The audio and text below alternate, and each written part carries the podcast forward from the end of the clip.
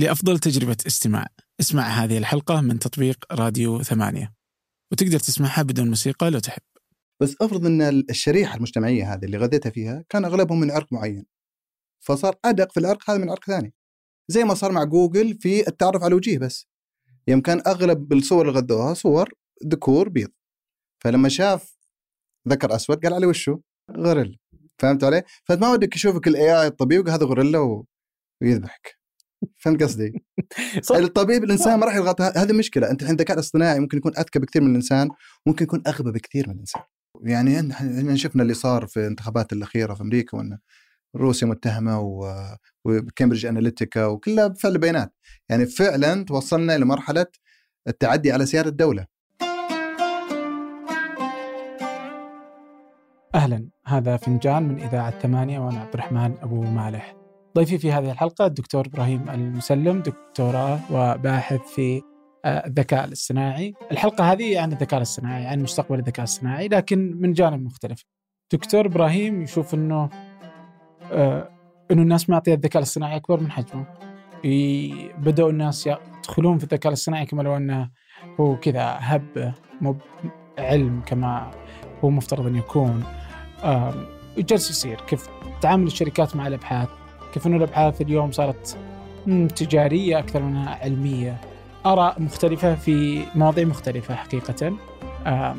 يعني اللي بتسمعونه في هذه الحلقة من الدكتور إبراهيم هو عكس ما سمعته في أي من حلقات فنجان السابقة قبل أن نبدأ أود منكم مشاركة الحلقة مع من تعتقدون أنها تهمه.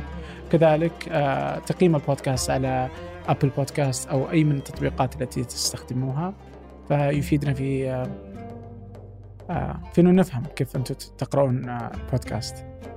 أقرأ كل التعليقات. أما الآن نبدأ. أهلا دكتور. أبو أحمد. أبو أحمد. ما دام الوضع حبي.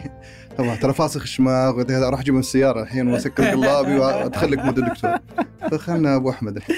أبو أحمد. يلا حيك الله يحييك. أحسك مشاكس على تويتر؟ يعجبني المشاكس على تويتر بس أنا أحس رايك آه، واضحة فببدا من تويتر. اي تفضل. يلا. فانت كتبت آه، ظهر في ديسمبر. أوكي. إنه علم الحاسب أصبح كله ذكاء اصطناعي. صحيح. الذكاء الاصطناعي أصبح كله تعلم الآلة تعلم صحيح. الآلة أصبح كله تعلم عميق تعلم العميق أصبح كله بايثون. وضع المجال محزن. على مستوى عالمي وليس فقط محليا. صحيح. تحولت المؤتمرات العلمية إلى معارض تجارية وافتقدت رونقها العلمي القائم على الإثبات. وليست تجربة. أو التجربة شلون صار انه قائم على الإثبات؟ ليس تجربة. وشلون صار هالمشهد بايخ؟ آه. تتذكر إيش اللي خلاك تكتبها؟ يعني صار فيه إفراط في استخدام المستخدم عرفت؟ المصطلح عفوا. يعني صار يعني أختزل كل الذكاء الاصطناعي في تعلم الآلة واختزل كل تعلم الآلة في التعلم العميق. وأنا إيش قصدي أفتقد الاثبات الرياضي والمنهجية الرياضية؟ إنك الآن لو تجيب أشهر الأوراق العلمية اللي نجحت اليوم جيد؟ ورجعت بالزمن ورا 20 سنة وحاولت تنشرها ما حد راح يعطيك وجه. كش يعني كل الإثباتات الآن اللي صايرة تجريبية جربنا وطبط ما في يعني المنهجية القديمة اللي أنت مو بتثبت بالتجربة تثبت بالبرهان فهمت قصدي؟ آه أنا أدري هذا يعني منهجية علمية ما لها ما يعني ممكن نمشي عليها بس المشكلة صار كل الذكاء الاصطناعي ماشي بهالاتجاه وش مشكلة الاتجاه؟ إنك أحيانا أرقام قد تكون مضللة في التجارب والمجال زي ما تقول hijacked آه، من ال industry. فهمت علي؟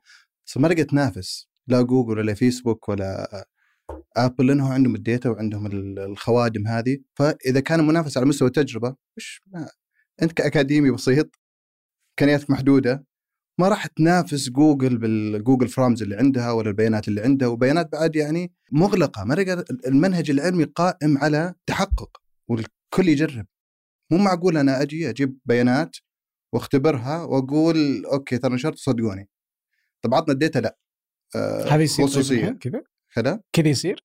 إي كذا يصير. بعض شفت شفت شفت إيش فكرة السماعات؟ إي هرجعك. لا لا لا لقى شيء يقول لك السماعات انه ما تخلينا ما تخليك تقول هلا لأنك تصير سمعت لي تماما. بس يلا. أوكي نحاول. مو مشكلة. هذا اللي صاير الآن؟ يعني الفترة طويلة صار. بعدين صارت مؤتمرات علمية. الآن تطالب بأنك تقدم البيانات كجزء من البحث.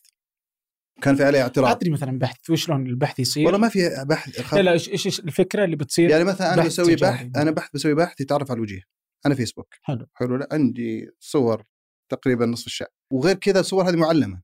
كل صورة جايك واحد قال هذا فلان وهذا فلان وهذا فلان وهذه علانة وهكذا. أنا فيسبوك عندي مليارات الصور أدرب عليها نموذج تعلم آلة أوكي؟ ووصل لدقة معينة وبعدين أنشر. أوكي؟ وش ينشر يقول مثلا ينشر يقول أنا بنيت نموذج قادر إنه يوصل لدقة مثلا 98% في التعرف على الوجيه مثلا طب أنا إبراهيم أبي أنافس جوجل. يمكن ألقى شيء 99% طب عطني الصور يقول لا هذه مملوكة. صعب إني أنشرها. فهذه شوية جاية كذا تنافي الفكرة العلمية فهمت علي؟ فكرة علمية قابلة على التحقق. ما يصلح تقول صدقني ولا بس هذه البيانات حقتي ولا أحد يجرب عليها ولا. على الأقل تكون محكومة في دائرة على الأقل مغلقة. يعني في ناس ممكن يتحققون من البيانات. ولا يتحققون من ال- الكود. ما في أنت عندك هذه ال- الخوادم عندي العملاقة اللي ما تقدر تحصل عليها. حتى لو أنا عندي الديتا مش ما أقدر أختبرها. ما عندي ال- الإمكانيات الهائلة اللي عندهم يختبرون فيها. فاضطروا أغلب الأكاديميين يروحون للفيسبوك فيسبوك وجوجل وجوجل والشركات طيب بس العملاقة. بس ما تحسه منطقي؟ يعني تخيل إني أنا فيسبوك بس بناء على كلامك تجي تقول آه خلاص أنا ما أقدر أسوي ما يخالف سو بر... عندك براءة اختراع عندك منتج عندك product سوي اللي تبي بس لا تدخل يعني المجال العلمي مجال علمي لازم طيب أنا- له حرمته يعني. أنا عندي آه، كمية بيانات ضخمة جدا حلو. وعندي باحثين. أنت نفرض إنك أنت موظف اليوم في جوجل فودك تجرب وتجلس تبتكر شيء جديد. مهم. أنا البيانات هذه ما أقدر أطلعها لك لأنها خصوصية. صحيح. فما أقدر أعطيكم صور الناس أعطي المجال البحثي كل صور الناس يا أخي طلع ولا تحرمني إني أجرب. يا أخي طلع براءة اختراع. سو منتج. انت فيسبوك يمديك تستخدمها ك tool في الفيسبوك. تستفز منها في مليون شيء بس لما تدخل المجال العلمي المجال العلمي له منهجية ثابتة. العلم مو معرفة العلم منهجية. فهمت علي؟ اختبار وتحقق. أنا ما أقدر أنا ما. أقدر أنا ما أقدر أثق يعني هذه ما صار العلم مو علم يعني موثوقيه ما تقدر تقول لي والله أنا نشرت وصدقني. ما خ... خلاص أنت وصلت 99% 100% good for you سوي فيها منتج ما حد قال لك لا طلع براءة اختراع ما حد قال لك لا أه، استخدمها في موقعك ما حد قال لك لا بس تجي تدخل مؤتمر علمي ولا مجلة علمية وتنشر زي ولا لا؟ وتنافسني أنا يا الباحث فهمت علي؟ صعب إني أنافسك أنا أصلا يعني. وأنا ما عندي لا يعني لا إمكانياتك ولا بياناتك. يعني هذا معضله البحث العلمي. كيف؟ مي هذه معضله البحث العلمي اللي موجودة في كل مكان؟ في يعني في فرق في فرق بين صعب ومستحيل لو مثلا جت ناسا وطلعت القمر إيه. صعب مرة علي أنا إبراهيم بس مو مستحيل ليس مستحيلا. فهمت علي؟ أنا مست... البيانات هذه عند فيسبوك وما راح توريني إياها. انسى الموضوع. فهمت علي؟ لأن أكون فيسبوك ثاني. فهمت علي؟ منافس له. فهذه أنا أقصد افتقدت المنهجية العلمية.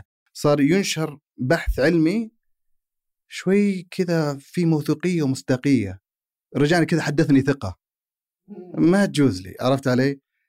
ما في حدثني ثقة، العلم فيها ابن حلال وعقتهم الميدان يحمدان، حطوا الديتا ونختبرها ونتمحصها ونختبر من كل الجوانب، ما حد ما أقول لك لا تستفيد منها، استفيد منها اللي تبي، بس أنا مستغرب والحين بدأت تنعكس العملية، صاروا الآن في بعض المؤتمرات يطالبون انك تنشر الديتا مصحوبة بال, بال... هذا أو إنك تنشر أحيانا حتى نفس الشفرة أو الكود.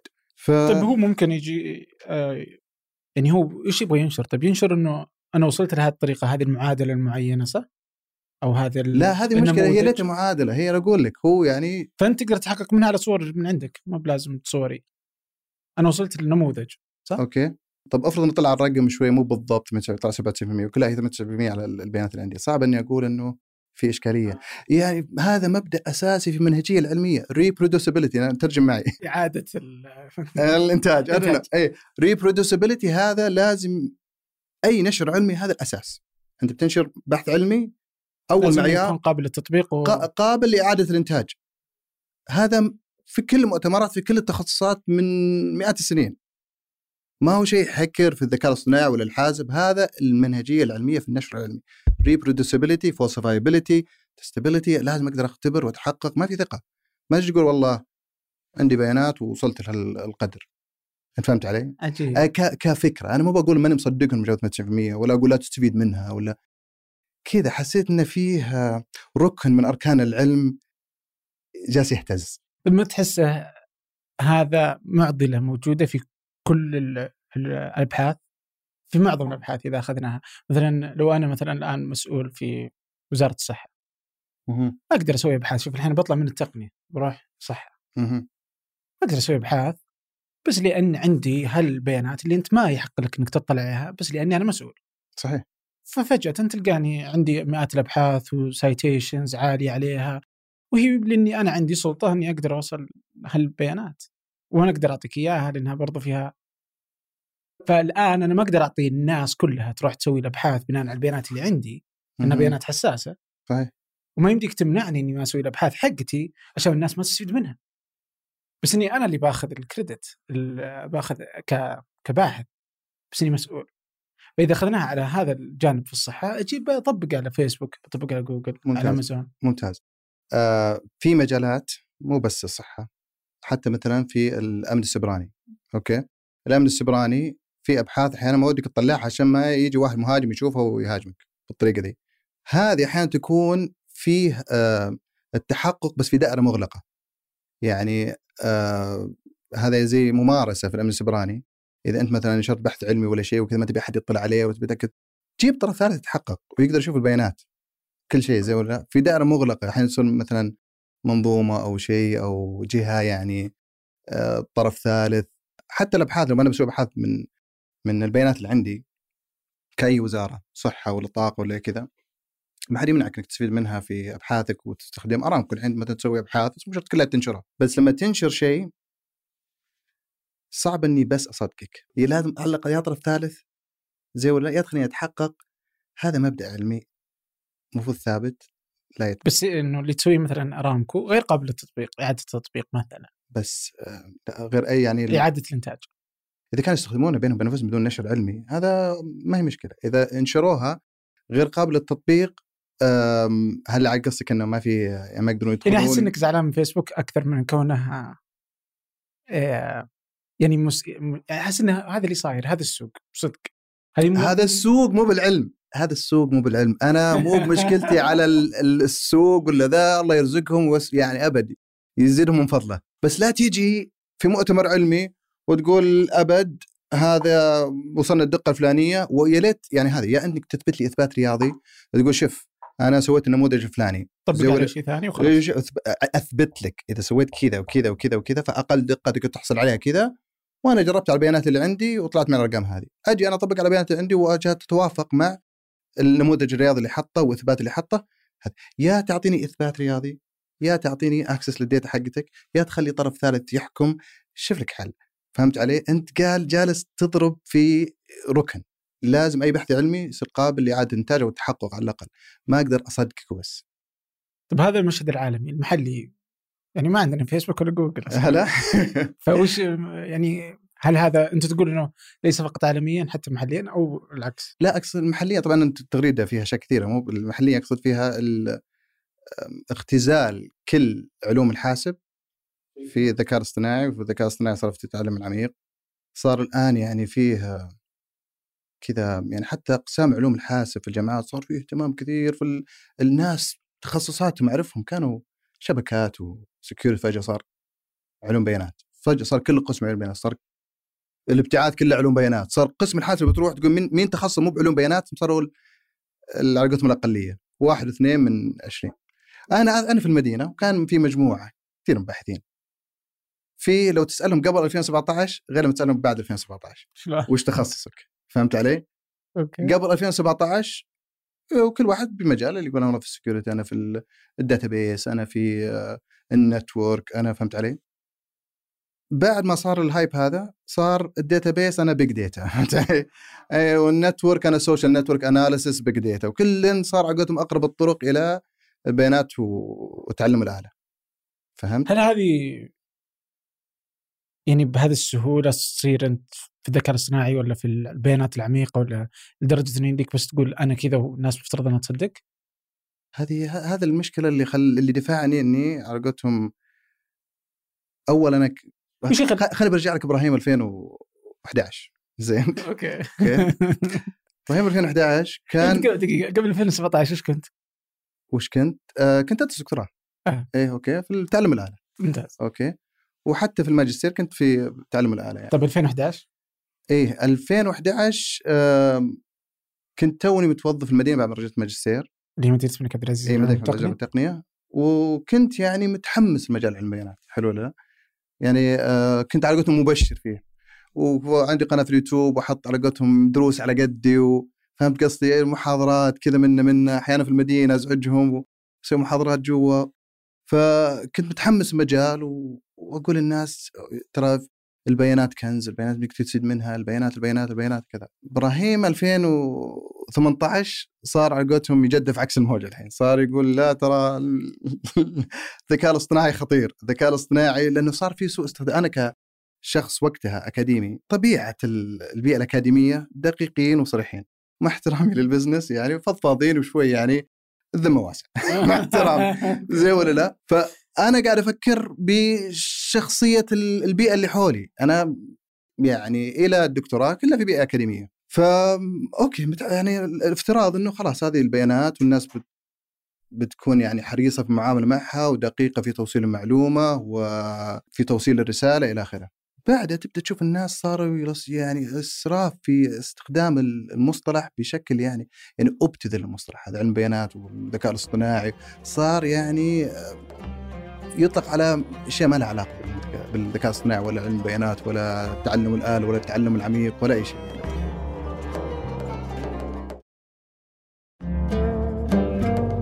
بس أفهم إنه كيف إنه صار الآن يعني مهم كيف مثلا أنت قبل شوي تقول إنه الابتعاث صار على الذكاء الاصطناعي المدري شلون على الذكاء الاصطناعي البيانات الضخمة هي صارت هي اللي تأخذ كل شيء هو صحيح إنه مو بجديد بس إنه هذا هو اللي اللي اللي بيغير شكل البشرية بظني يعني هو العلم اللي كذا الظاهر آه، آه، سندار بتشاي حق جوجل في 2018 كذا قال إنه الذكاء الاصطناعي هو اللي بي هو النار, النار. الجديد إيه النار الجديد لا يعني كذا وإيلون ماسك نفس الشيء ومدري من يعني واضح إن الذكاء الاصطناعي آه يعني ليس علما سهلا انه بسيطا اللي كذا تقول أوه إنه ليش صرتوا؟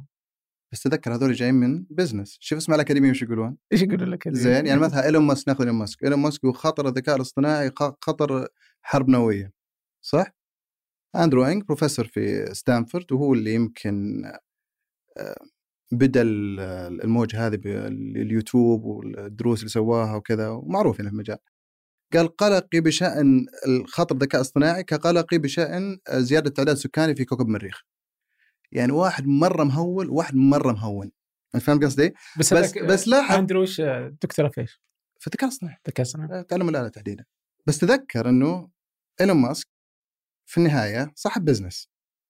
okay؟ آه حق جوجل business. فهمت علي؟ فأنت لازم تحطها في الحسبان. يعني شفنا كثير في التاريخ ناس في ال business بالغوا. منها شركات كبيرة زي اي بي ام فهمت علي؟ آه وجوجل وغيرها يعني. وش بالغوا في إيش مثلا؟ اي بي ام مثلا. يعني اي بي ام زي قصة آه، هذه قصة عاد له لها علاقة بديب بلو آه، بس. الحين ما ندخل فيها بس الحين خلاص الشطرنج صار يهزم أي بطل العالم في الشطرنج بس وقتها كان ترى كان فيه إشكالية. يعني هذه من الأشياء اللي okay هذا مثال على كيف لما ما تتبع منهج علمي okay؟ اي بي ام تحدوا كسباروف بطل الشطرنج. زين قال تعال إحنا سوينا كمبيوتر بيهزمك. زين؟ قال تعال وين اللقاء فيه؟ تعال في نيويورك. وين فيه؟ مبنى آي بي إم. okay؟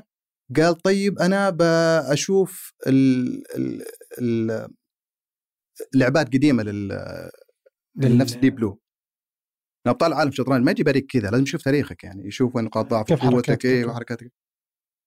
قالوا لا ما في شفافية. قالوا okay المهم لعب مع أول جولة وفاز. طبعا آي بي إم كانت مهزومة من كاسباروف في العام اللي قبله 96 97 جو بارا وانهزم أول جولة. ثاني جولة كاسباروف قاعد يبري على إنه كمبيوتر اللي قدامه.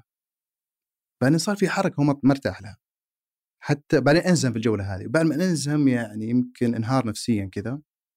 وشاك في اللعبة ذي. حتى بعد الم- المؤتمر الصحفي اللي بعد الجولة هذه قال أشك إنه يعني يد الله تدخلت في الموضوع. وش قصدي بيد الله داخل الموضوع؟ هذه مقولة مارادونا. يوم آه، قال كيف جبت الهدف؟ يوم جابه بيده؟ قال was the hand of God. فهذا يعني يلمح انه كان في أيدي خفية كذا دخلت ولعبت لعبة. فشك قال عطوا اعطوني اللوج الفايل هذا بشوف كيف كيف وصل الكمبيوتر الحركه دي؟ ما أقتنع. قالوا ما نعطيك. طب خلينا بنشوف ما نعطيك. أول ما انتهى المباراة وفاز ما عاد لعب ديب بلو أي لعبة ثانية حطوه في متحف وانتهى الموضوع. شوف آي بي إم في مليارات على المحك مليارات. ملي- السنة الأولى انهزموا. السنة هذه انهزموا أول جولة. السنة الجولة الثانية قالوا يا ولد جيب واحد grand master يعطينا دفة. زي إذا كان في مليارات على المحك فوز اي بي ام خسارتها معناته طيحت أسهم ولا رفعتها تفرق من خسارة مليارات ومكسب مليارات. آه وصاير في مبنى اي بي ام في بيت اي بي ام عقدهم في آه، بين جمهورها وفي أرضها. فالمهم يعني إن- بس الحين إنه ندري إنه خلاص الان أنا ندري الآن- إنه خلاص أنا فاهم. الآن بزيرو هذه حقت جوجل يعني اي. بس إنه لسه كاسب الببليستي حقتها. يعني جوجل مثلا طلعوا آه، ذاك البرنامج اللي آه، اللي تتكلم مع البيرسونال اسيستنت هذا. شفت كيف؟ أها ومدري وشو. أنا أذكر قلت وقتها طب يلا ورونا إياه. ما طلع إلى الآن. ما طلع لنا زي ولا؟ لا؟ بس متى ما طلع بيقول شوف إحنا أصلا عندنا هذا زي حركة منجمين وباحترام لا بس. أتوقع زي زي المنجم الحين لما تجي تقول له يتنبأ لك. يا يقول لك حدث بدون وقت يا يقول لك وقت بدون حدث. يا يقول بيجيك رزق. فهمت علي؟ بعدين بعد أسبوع زاد راتبك شفت قايل لك؟ ولا بعد شهر ما أدري واحد رجع لك دين. أي شيء ما دام ما حدد وقت أي رزق بيجيك شوف صدقة نبوته. فهمت علي؟ أو يعطيك وقت يقول بعد آه، شهر بيصير شيء صار لك حادث قلت هذا انكسرت يدك صارت هذا فنفس الكلام تجي آه، جوجل تقول هذا اللي نقدر نسويه و demo وشوفه بس بنطلع بعدين بنطلع. لين ما خلاص يعني يكسبون ال... ال... ال... ال... ال... الاعلام هذا وال... وال... وال attention والامور هذه فيقول إحنا بنقدر نوصل له بس خلينا نكسب يعني. فهمت علي؟ إيه ما يوصل زي كذا. آي بي إم وقتها يمكن كان ما تدري. فهمت علي؟ بس دقيقة بس ندري انه جوجل يعني يمكن وقتها كنتوا تشككون فيها. يعني لو العلماء وقتها يمدي يشكك في إيه. في ال Deep Blue أنا؟ ما أقول بس اليوم أنت ما تقدر تشكك في اللي سوته جوجل لأنه يا- منطقيا إنه جاهز كير؟ أنا ما أشكك ما أشكك. أنا أقول المثال مو بحقيقي. مو بمتشابه متطابق يعني. جوجل مع IBM. مو 100% بس أنا أقصد يعني في هذا أتوقع يمكن اللي منعهم القوانين أصلا. واللي الحين ودي ندخل فيها أصلا؟ بس يمكن قوانين لأنه آه، أنا يجب أن أعرف إنه هل أنت إبراهيم ولا آله. أبغى أعرف. يعني أنا الآن أقدر أسويها. بس تجي زي كذا اللي القوانين خلفها. إنه يجب إن أن ال- لما أنا أتصل على المحل المحل يجب ان يعرف إني ماني بأنا. فحركة ام وزي كذا فيها مسليدنج فيها فيها إنك تلعب على إيه، الناس. فتصير فتصير آه، المشاكل يمكن في عدم إطلاقها هذه القوانين والحكومات في تضييق عليها يمكن. أو ممكن تحط أو ممكن أو ممكن تحط hotline تقول جرب يعني ما مو انت اللي يدق عليك ويحجز لك. بس طب ليش تنشره ما ما خلصت ما تقدر هنا تطلقها يعني. آه، أنت فهمت؟ أنا بديت أشوف هالممارسات اللي مرة ثانية أنت لازم تفهم خلفيتي فهمت علي؟ خلفيتي أنا لازم كل شيء واضح ودقيق ما الفضفضة هذه okay أنا نسمح لها في أماكن وأماكن لا. أنا أحس تخلوا اثنين مع بعض. أنت قاعد تستخدم العلم زين ال ال يعني تقدم شيء بطريقة business بس تعرض على إنه شيء علمي. يا هذه يا هذه. يا امشي على المنهج العلمي وطلع بطريقة علمية وقال لها هذا شيء علمي. أو إنك طلع بشكل okay طيب إذا إذا إيلون ماسك يقول إنه يخشى من آه، الذكاء الاصطناعي إنه بيتحكم في الإنسان وبيسيطر على العالم. وإنه يخيفه بالدرجة الأولى و... وأندرو مثلا يقول إنه خوفي منه هو خوفي من آه، كقلقي من زيادة السكان مثلا في المريخ إيه. وين الدكتور إبراهيم؟ أنا معهم كلهم هذا صح وهذا صح. بس هذه المشكلة هذا قاعد يتكلم عن ذكاء اصطناعي الخارق وهذا قاعد يتكلم عن الذكاء الاصطناعي الموجود حاليا. اللي هو الضعيف؟ الضعيف. يعني الذكاء الاصطناعي مستويات okay؟ في الذكاء الاصطناعي ال- ال- اللي نشوفه في الأفلام هذا اللي يتخطى ذكاء الإنسان قدراته. هذا يسمى super intelligence وذكاء اصطناعي خارق. في الذكاء الاصطناعي اللي يسمونه القوي أو العام اللي هي يوازي ذكائك. يعني أنت ما تقدر تميز بينه وبين الإنسان. يساويه في ذكاء الاصطناعي الضعيف اللي هو أقل منه. اللي اللي يحاكي بعض ال ال ال وظائف المخ. يعني مثل الكلام ولا الإبصار ولا الحركة ولا يعني في مهام حد يقدر يسوق سيارة يقدر يلعب شطرنج. هذه الأمور. فأنت لما تقول قلقي من الذكاء الاصطناعي الضعيف مثل زياده تعداد السكان أنا أتفق معك. ولما تقولي على الذكاء الاصطناعي الخارق نقلق منه إنه زي حرب نووية أنا صادق. بس هذه مشكلة إيلون ماسك قاعد يسقط مخاطر الذكاء الاصطناعي الخارق على الضعيف. فهمت علي؟ قاعد يخوف الناس من الذكاء الاصطناعي الضعيف على إنه خارق. وأندرو قاعد يطمن الناس زي ولا لا؟ بس يبدو إن الناس فهموه كأنه يطمنهم من الخارق زي ولا لا؟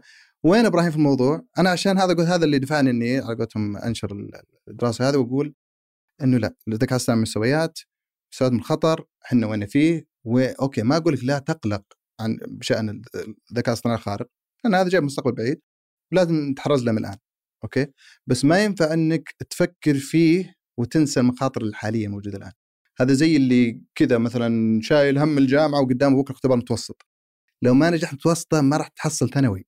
ناهيك تدخل جامعة. فما أقول لك انه لا تفكر بالجامعة واختبارات الجامعة و... بس في ترتيب أولويات. لو ما انتبهنا للذكاء الاصطناعي الموجود حاليا راح يعني راح يبيدنا قبل الذكاء الاصطناعي الخارق يعني. ما راح يبيد يعني. أقصد راح بيسبب مشاكل يعني. إذا إذا طبق بشكل خاطئ خصوصا في أشياء حساسة مثل الصحة ولا مثل الحقوق المدنية ولا ال... أعطني شو مخاوفك من الذكاء الاصطناعي الضعيف اللي هو الحالي. أه الثقة الزايدة فيه وسوء استخدامه. يعني خصوصا في أشياء حساسة مثل الطب والعدل. أنا إبراهيم حلو؟ لو جيت قلت لك آه كذا بعد أسبوع ولا بعد شهر قلت خلاص أنا أقدر الحين أشخص سرطان. اسمح لي يا أبو أحمد؟ بروح الطبيب بس لو أقول لك هذا برنامج دربته في أسبوع وذكاء اصطناعي واي اي وبيج ديتا ومش عارف إيه. على الأقل نفس البروسيس اللي مر على إبراهيم عشان بس يحصل على رخصة الطبيب زين ما يوازيها مش أقول لك معايير ثقيلة ذي عشان تختبر النظام وكذا. لا مجرد بس تجيب دقة عالية 99% أنا حتى لو وصل 100% ما أقدر أثق فيه. افرض أنا قلت لك عندي برنامج دقته 99% في تشخيص السرطان. تثق فيه ما تثق فيه؟ على حسب يعني ودي أفهم أكثر. آه شلون؟ يعني هذه الأرقام مضلة. على قولتهم الأرقام لا تكذب لكن تستطيع الكذب بواسطة الأرقام. يعني مو أنا ممكن أجيب برنامج وظيفته بس تدخل عليه أي مدخل يقول لك ترى ما في سرطان. ما هذا ال... هو سطر واحد. بس اطبع انه الرجال ما في سرطان أو الشخص ما في سرطان. آه هذا بس جايك دقيقة أصبر خليك معي. فالحين تدخل عليه كل المجتمع السعودي بيقول كلهم ما فيهم إلا العافية. زي ولا لا؟ يمكن 99% من السعوديين ما فيهم سرطان. فيطلع يقول شوف ها 99% دقة. بينما الطبيب ممكن okay دقته 95% بس كل اللي فيهم سرطان اكتشفهم وشخصهم يمكن شخص ناس ثانيين ما عندهم سرطان آه انه عندهم سرطان هذه أخف شوي. فالدقة غير دقيقة. صح تعبيرك. no pun intended زي ما يقولوا إخواننا الأمريكان. المهم. بس في فرق صح؟ شلون؟ يعني أنت أخذت آه، مثال متطرف في الطرف الآخر اللي هو طرف الآلة طبيعي بتطرف إذا طبقت على صحة ولا طبقت على عدل اذا كنت تحكم على واحد إنه يدخل السجن ولا يطلع ولا واحد يسوي العملية ولا لا. فكون دقيق جدا يعني. لازم الدقة لا تكفي. هذا okay. بس أنا كنت قلت مثلا في في في فكرة التطبيق إذا كان في تطبيق يقول لك إذا في سرطان ولا لا. اني أفهم إنه منطقي إنه يصير زي كذا يعني بس إنه ما راح يصير كود واحد يجي يعطيك إياه كذا بس أو اكتب اي شيء بعطيك إياه إنه ما فيك سرطان.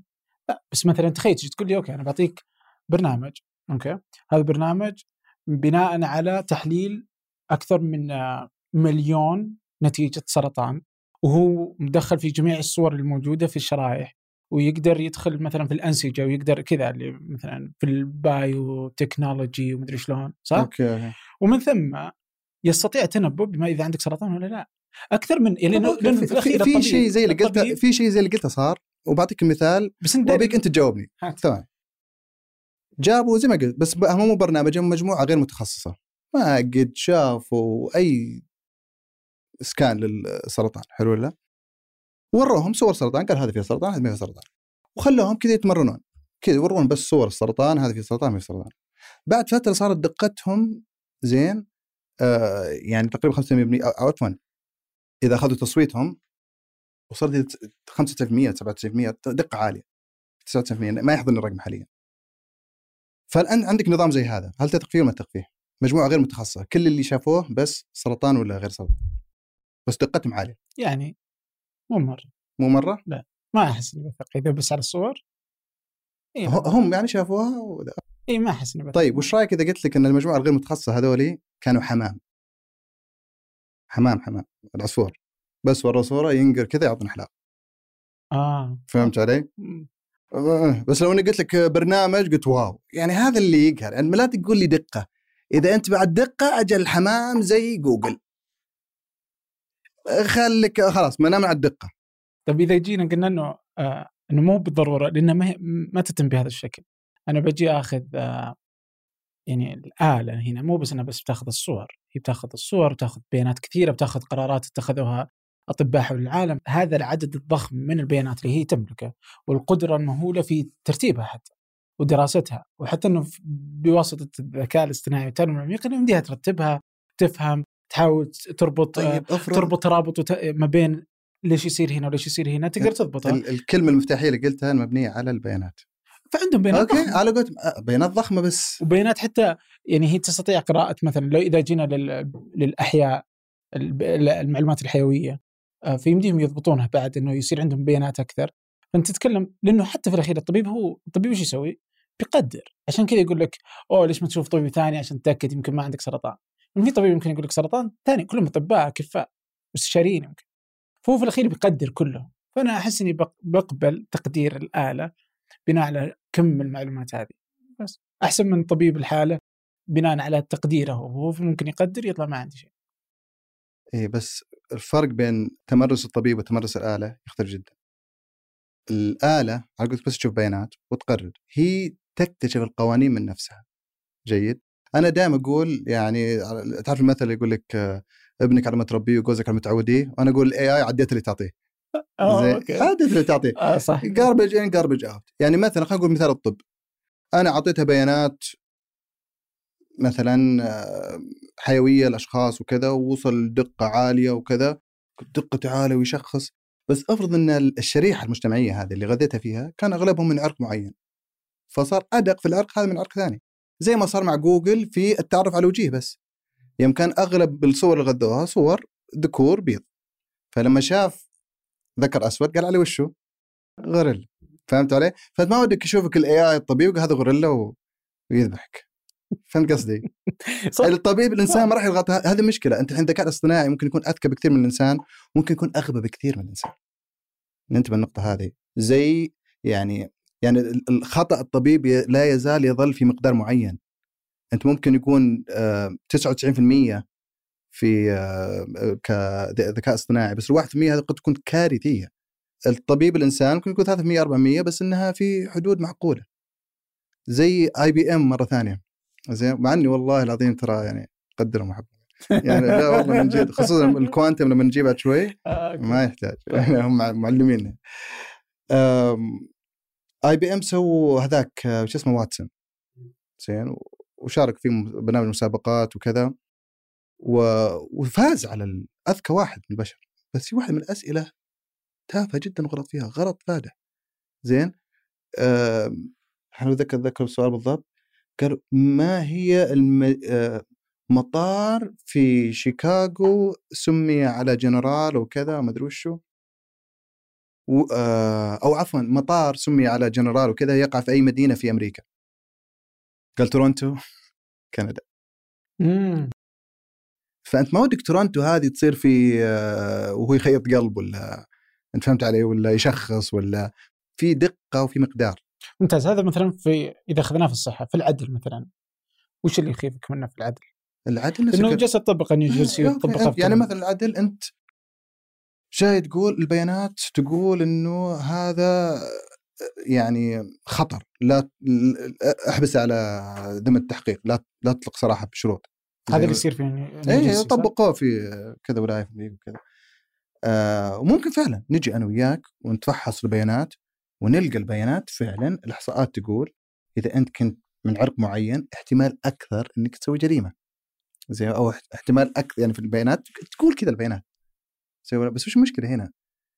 المشكلة إنه مو احتمال أكثر إنه يسوي الجريمة احتمال أكثر يقبض عليه أنت ليش السود أكثر في السجون؟ مو بلأنهم مجرمين أكثر لأنهم مستهدفين أكثر فهمت علي؟ يعني على كذا أنت شكلك بيقول إرهابي لو رحت آه، في أمريكا زي ولا وقد سوى برنامج من الصورة يقول هل أنت إرهابي ولا لا؟ عز الله كلنا وياك مطارسنا في الطبر زي ولا أصلا قرج قبل الذكاء الاصطناعي. كان فجأة تفتيش عشوائي تفتيش عشوائي. وسبحان الله كلهم عرب محجبات وهذا العشوائي صاير. ف... وهذه مشكلة ثانية قد يستخدم الذكاء الاصطناعي باسم العدل وباسم المساواة وباسم ما ادري وش وش أنت عندك مشكلة؟ برنامج. ذكاء اصطناعي ما ما لي دخل. هو تعلم بيانات وهذا اللي قال أنت. المضحك الموضوع مسويته الشركة الاسرائيليه انت عارف العنصرية اللي تعرضوا لها أيام الألمان كانوا يقصون خشومهم ويقصون عيونهم ويقصون مدري وش. فصاروا سبحان الله على قولتهم صاروا الآن هم اللي اي صاروا بس ديجيتالي فأنت لما تيجي تطبق شيء زي كذا زي على العدل البيانات اللي أنت معطيها أصلا منحازة وقاعد يرث الانحياز اللي في البيانات نفسها. فهمت علي؟ فقد يكون عنصري أكثر على عرق معين لأن قاعد أشوف البيانات إنهم أكثر. بينما مو بأكثر لأنهم يسوون الجريمة أكثر لأنهم مستهدفين. حتى لا أغ... حتى في أمريكا مثلا أغلب الدراجز اللي يستخدمونها بيض المحكميات حقها أقل. كوكين ما أدري وش بينما ما أدري وش الكراك ما أدري وش اللي يستخدموها السود أعلى. فهمت علي؟ فإذا أنت أسود الأشياء اللي تسويها احتمال أكثر تضاعف تغلظ. زين ولا؟ وإذا قبض عليك احتمال أكثر إنك تحبس وإذا حبست احتمال أكثر إنك تقعد مدة أطول. فايش بيتعلم طيب كيف ممكن نستفيد من الآلة اذا في العدل؟ في العدل؟ مثلا. إذا أنت تشوف انه هذا هم يبغون يعني بتصور إنه الهدف من استخدامه مثلا في بعض الولايات أو إذا استخدمناه حتى على مستوى الدول يعني إنه يبغون تكون أفضل صح؟ يعني, يعني أبغى أضمن عدل افضل فهل نقدر نستفيد من الآلة والذكاء الاصطناعي التعلم والبيانات فينا نقدر نحصل على ممكن إجراءات عدل ممكن أفضل وش ممكن يصير؟ ممكن إنك تكتشف الانحيازات هذه بدل ما تثق فيها لما جاك قال لك يعني في مجال الآن صاير بحثي بعد ما طلعت المشاكل هذه okay اللي هو يعني ال ال الانحياز في ال okay آه، في التعلم الآلة. كيف أتأكد إن هذا منحاز ولا منحاز؟ زين أرجع اعطيه نفس البيانات بس أغير مثلا من ذكر الأنثى أشوف غير رايه ولا لا. فهمت علي؟ ولا أغير عرقه ولا أغير شيء كذا نشوف هل هي هل هذا هو المعيار اللي خلاه يعني صنف التصنيف هذا ولا لا؟ فحين يساعدك في اكتشاف انحيازاتك أو الانحيازات على الاقل اللي في البيانات الموجودة. فبدل ما تأخذها وتثق فيها ثقة عمياء أنت تشوفها وتشوف تنبؤاته وتأخذها ك يعني مؤشر وين الانحياز فيه وتروح تحاول تصححه. إذا شفت مثلا أكثر مثلا عرق معين عرق معين إنه ينسجن ولا يسوي شيء ولا كذا تقول أوكي وين المشكلة؟ خليني براجع وين الانحياز فيه؟ قد يكون في مدينة معينة أكثر في حارة معينة أكثر طب ليش هنا؟ فأنا أشوف إنه بتستخدم بالعدل لا أول شيء لازم يصير على قولتهم يعني شخص في في الدائرة قلت human in the loop زين؟ يتأكد من الموضوع مو ثقه عمياء في ال في ال زي مثلا إنه في الطب نقدر نقول لو إنه أنا بعطيك النتيجة مثل ما الطبيب يقرر. يصير مساعد. يعني هذه على الوقت بياخذ يعني. يعني. تحاول توازن الأمور. يعني على قولتك الطبيب يمكن ما عنده وقت يشوف كل الأبحاث اللي صايرة إلى قبل أسبوع وكذا ما أدري وشو. فهو في بعض الأشياء ما نقدر. ما عندنا يعني موارد بشرية كافية إن تفحص كل هذولي. زي ولا لا؟ فممكن يساعد الذكاء الاصطناعي على الأقل في الأشياء اللي مرة واضحة مثلا ويصير عليها معايير يعني عالية شوي عشان نتاكد يعني ما يصير الذكاء الاصطناعي يفلتر يعني زي يفلتر الشيء الاكيد منه في الأمور اللي على قولتهم الرمادية هذه يخلي القرار إي يخلي القرار. طيب مو الانحياز موجود في الإنسان؟ يعني أنا برضه أحيانا كذا أنت لما تشوف واحد تبدأ تعطي صورة نمطية شلون كذا بسرعة تبدأ تحلل وتحكم أحيانا. صح. فإذا الانحياز عند الإنسان وش المشكلة إنه يصير عند الآلة؟ يعني إيش مزعجك الموضوع؟ خلاص خلاص خلي الآلة حاسبة برضو تغلط خلها تعطيك مثلا 99 ثلاثة تعطيك كذا أربعة ونص ولا إيش المشكلة؟ لا لا الإنسان يغلط بعد يعني صح ولا؟ صح يعني ما أدري التقنية الظاهر إنه ما وش وش فايدة يعني أنا ما أنا ما أدري أتصور يمكنني غلطان يعني بس التقنية فكرة إنها تحسن من قدراتنا إيه. وتخليها أدق يعني فهمت قصدي؟ انت كأنك تلبس نظارة ما فيها قزاز شو بعد؟ نظارة فتصحح نظرك صح ولا لا؟ فإذا أنت استخدمت نظام مو بس يعني المفروض يصحح انحيازاتك مو بيعززها ويكرسها واسم القانون واسم العدل واسم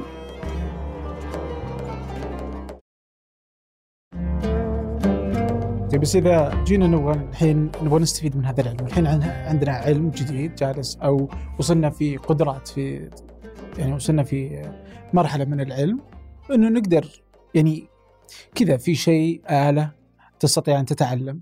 من البيانات اللي إحنا نغذيها فيها. وتستطيع إنها يعني كذا والآلة لا تنام لا تنسى لا ت... ما خلاص إيه. شغال اي ما لا يستطيع الإنسان أصلا إنه مواكبتها. صحيح. فاذا ماذا يعني وش الخطأ في بالعكس فهذه فرصة لل- إني أستفيد وإني أصير أفضل يعني. في في كل المجالات إذا أخذنا أخذنا العلم الطب العدل آه، صحيح. قيادة السيارة حتى. صحيح. مم. على قولتهم ال autopilot موجود في الطيران من من زمان القياده الذاتية. صح. زي ولا؟ لكن عندهم منهجية صارمة كذا في تأكد يعني أنا دائما أقول يعني خلينا نتعلم- من مجال الطيران.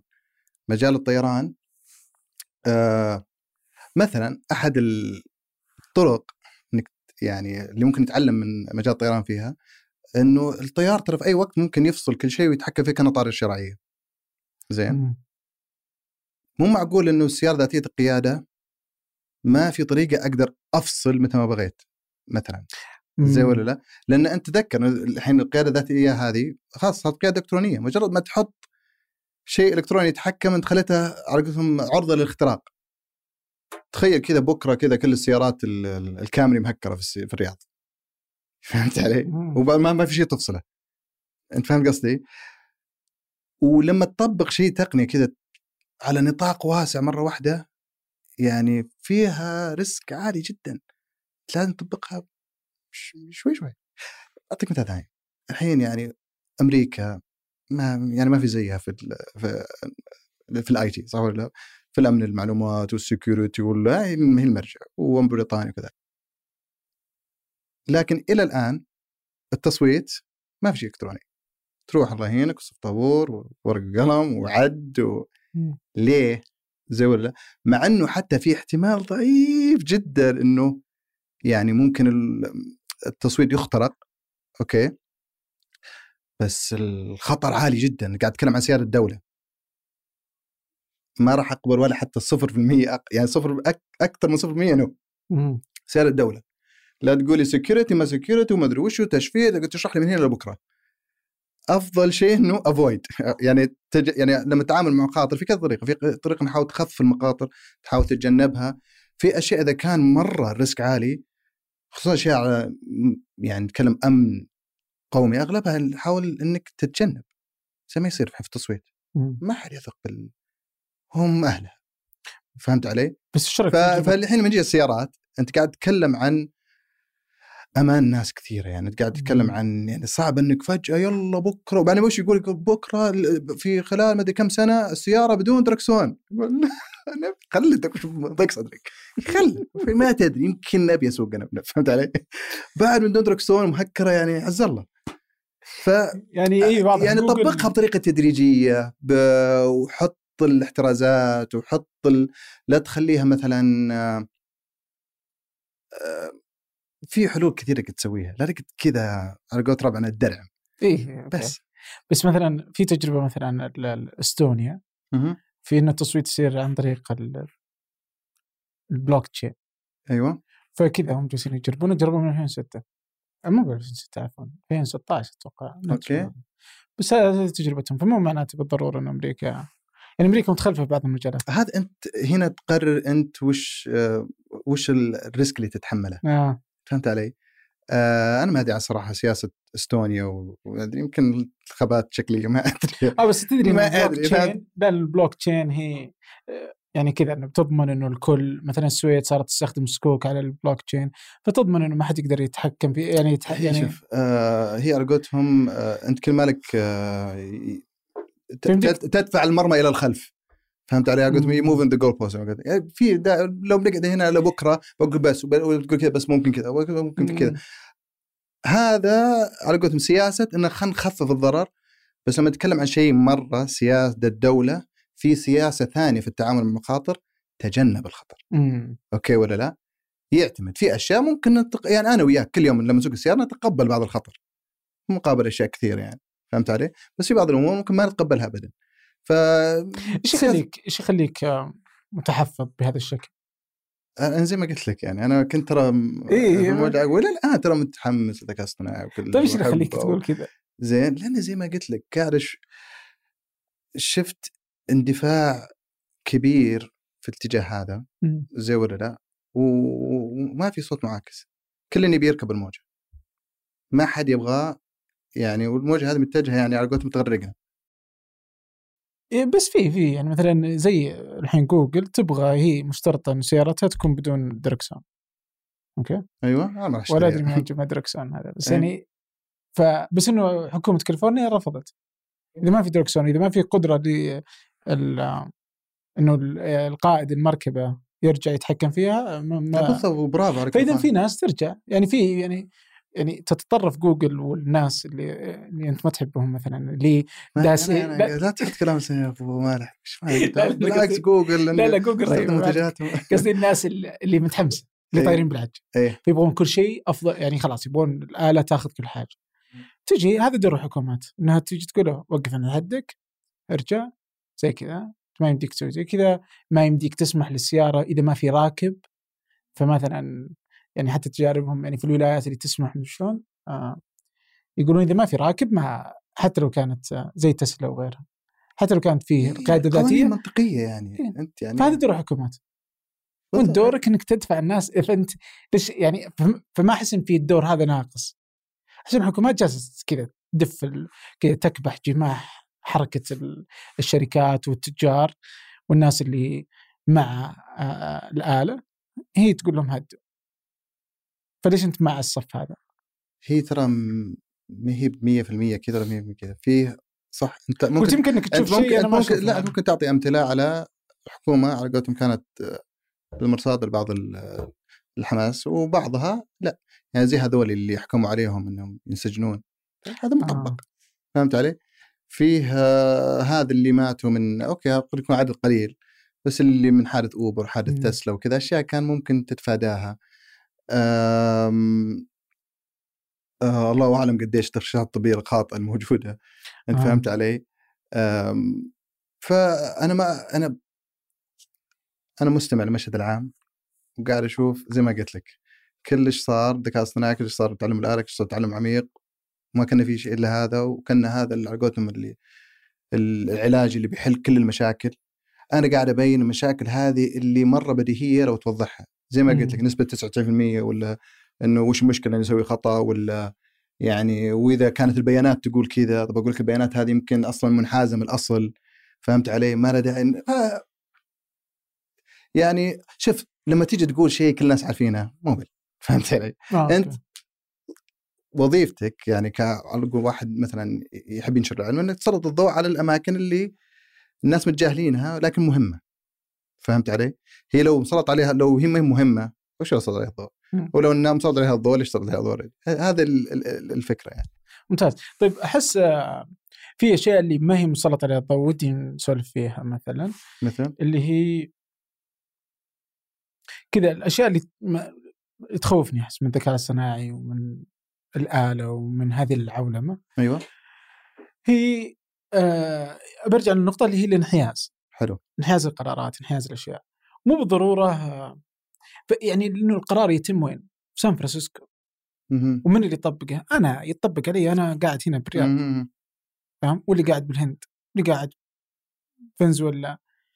واللي يقررونه ناس قاعدين لحالهم هناك ويأثر على حياتي يأثر على قراراتي يأثر على وين مفترض إنه يكون؟ كيف ممكن تتعامل معه؟ هل في دراسات؟ هل في أشياء ناس تسويها؟ هل الحكومات بدأت تتحرك؟ كيف ممكن نضبط هذه المسألة؟ مسألة البيانات من يملكها؟ آه كيف يتم التعامل معها؟ وكيف يتم فلسفة القرارات يعني؟ ومن يتحمل هذه القرارات؟ وشوف مع بداية ثورة الاتصالات تقنية المعلومات أوكي؟ أول خطر واجهه الناس اللي هو أمن المعلومات. يعني أنت الحين في بيانات قاعدة تنتقل بين أشخاص. نبي نأمن إنه ما حد يتنصت عليها ولا يعدلها ولا هذا كان في أمن المعلومات. طلع مع بداية ثورة الاتصالات. البيانات صارت رقمية وصارت تنتقل بين جهات. نبي نتأكد إنه ما حد يتنصت عليه ويعدل وكذا. بعد ما نضجت هذه صار الآن البيانات هذه تنقل وترمى صارت تنقل وتخزن. صح؟ وتأرشف والناس يستخدموها في التحليل وكذا فصار حتى وأنا معطيك البيانات بكامل قواي العقلية زي وأبد وما عندي أي مشكلة. بس لاي مدى يمديك تتصرف فيها؟ من مين اللي يملكها؟ لو قلت لك لو قلت لك تويتر ما أحذف بياناتي. هل يحق لي؟ ما يحق لي؟ ولا لو قلت له مثلا أبغاكم تخز ولا جت مثلا دولة قالت لا أبغاكم تخزنون خوادمكم اللي لها علاقة ب بمواطنيني مثلا تكون بالسعودية ما تكون هناك بعد. مو بس القرار هناك قرار البيانات هناك زي ولا لا. فصار هنا خصوصية البيانات. خصوصية البيانات اللي من يملكها كيف تصرف فيها؟ إدارتها الحوكمه البيانات يسمونها. وبعدين صار بعدها بعد ما جاء الذكاء الاصطناعي وكذا آه، البيانات هذه أنت تعيد تكريرها وتصنع قرارات زي ما قلت. يرجع ينعكس على المستخدم فكملت الدائرة. البيانات طلعت راحت قعدت عند المنشأة بعدين رجعت صار التطبيق ينعكس على الأشخاص. فهنا يجي دور حكم الذكاء الاصطناعي الأشياء اللي قلت لك إياها هذه. إنه في قوانين خاص فصار يعني حتى في مبدأ في ال في ال في, ال في أمن المعلومات يسمونه security by design أو الأمن بالتصميم زي ولا؟ في ال في ال موضوع خصوصية البيانات صار يسمونه privacy by design يعني مثلا لما ال ال الإعدادات الافتراضية في الجهاز تكون مفروض لصالح خصوصية الشخص مو يعني بالافتراض إنه ال location مفتوح ولا ما أدري وش صار في سياسة. صار الآن مع ال AI صار يسمونها ethics by design أو fairness by design زين؟ إنه تحاول آه من قدر الإمكان الإعدادات هذه آه اخلاقيا مع المستخدم. فهمت علي؟ لأنك في بيانات تقدر تستنتجها عن المستخدم مش تعطيك إياها بطريقة مباشرة. فهمت علي؟ يعني ممكن أنا معطيك إني أنا ذكر وكذا في السعودية ومدري وشو بس إنك تستكشف ميولي وبعدين تنشرها ولا تستخدمها إنك تسوي إعلان. لي ولا إنك إنك تحطني في في فقاعة سياسية كذا ما أشوف غيرها أدخل تويتر يتهيأ لي إن هذا ال timeline لا مو هذا ال timeline انت تويتر مقرر إن هذا اللي أشوفه فهمت علي؟ فهذه يمكن تفرعها هذه يعني من وش خلاك تسوي الدراسة؟ وش دراستك اللي نتكلم عنها الحين اللي هي حوكمة؟ حوكمة الذكاء الاصطناعي وش اللي دفعك للموضوع هذا؟ يعني زي ما قلت لك آه، فيه حماس كبير في جهة واحدة م. وما في أي تصحيح آه، للمفاهيم الخاطئة هذه في اندفاع فيه إفراط في سوء في عفوا في استخدام المصطلح حتى بين المتخصصين للأسف وبعضهم يعني أحيانا تلقى يدري بس ساكت عشان يركب الموجة للأسف يعني عشان يستفيد منها. آه، ف يعني جربت محاضرات جربت كذا فأنا عندي محتوى كثير من كثر ما تكلمت تغريدات ومحاضرات ودروس وكذا. آه وبعدين قررت إني أجمعها وألخصها وأنشرها في دراسة على أساس خلاص يعني لعلها توصل ناس يعني وش خلصت اليه الدراسة مثلا؟ الدراسة أنا تناولت كل المشاكل هذه وعرضتها وشرحتها الاشياء اللي زي الدقة والانحياز وتسميم البيانات وكيف ممكن واحد يعني يخدع الذكاء الاصطناعي يوهمه وش؟ بعدين ركزت أكثر شيء على الحلول الغير تقنية التشريعيه فهمت؟ زي إيش مثلا؟ يعني إيش الحلول اللي ممكن خليني بضرب بأخذ السيارة كمثال. يعني أنا مثلا مرسيدس قاعد أصنع سيارات. زين؟ أنا بسوي كل اللي أقدر عليه عشان أخلي سيارة عمل بحط إيرباك بحط حزام أمان بحط مثلا آه، كل وسائل السلامه اللازمة بخلي السيارة بختبر الاصطدام الأمور هذه وأحيانا تلقى الحكومة تفرض على أشياء إنه انعدام ثاني أكسيد الكربون ما يزيد عن كذا. لازم مثلا الأبعاد زي كذا لازم آه، في شر... في اشتراطات. هيئة مواصفات مقاييس وكذا ما تدخل السيارة ديرتي إلا إنك توافق الشروط هذه. هذه شروط المصنع. هذه امثلتها اللي قلناها. الدقة والقياس وما أدري وش لا تجي أنت مثلا تستخدم بيانات منحازة. ولا مثلا تعرض البيانات فقط مزوع ولا تخبي الديتا زي فيسبوك وفي الشلة هذه فهمت والله ما دقه كذا وأبد صدقوني عرفت؟ آه الشفافية إنك إذا كان البرنامج هذا يتخذ قرار في مجال حساس خصوصا يعني مس مثلا أشياء لها علاقة بصحتك بحقوقك المدنية بحقوقك المالية كذا لازم يكون شفاف. ليه؟ إنك أنت أصلا في أغلب الدول لك حق أصيل إنك تعترض. لو واحد جاء مثلا آه رفض إنه يعطيك قرض ولا رفض إنه يعطيك تأمين ولا كذا انت تقول له أنا أعترض واستئناف وكذا فما تقدر تقول والله التعلم العميق قال كذا عرفت؟ لازم تفسير معين وهذا مطبق الآن في أوروبا أوروبا قال ما في أمور معينة. يعني ما يهم انه واحد مثلا Netflix قالت لك فيلم طلع بايخ sorry فهمت علي؟ Okay. Okay حياة صعبة. لكن تيجي تقول لا أنت مثلا مثلا روح المستشفى الفلانيه ولا ما برفض أعطيك تأمين صحي ولا برفض أعطيك مثلا آه، نسبة معينة في القرض ولا أنت ما تطلع من السجن وأنت قاعد في السجن. هذه الحقوق ولا في التعليم. فهمت؟ هذا ينقب في الجامعة هذا ما ينقب في الجامعة. وليه ما ينقب في الجامعة؟ يقول والله ما أدري أنا لاحظت إن أغلب النساء ما ينجحون في الرياضيات. لا والله. فهمت؟ لأن في يعني تميز علاقتهم جنسي عليهم يعني. صاروا أصلا هذا زي اللي صار مع شركة إكس ثانية.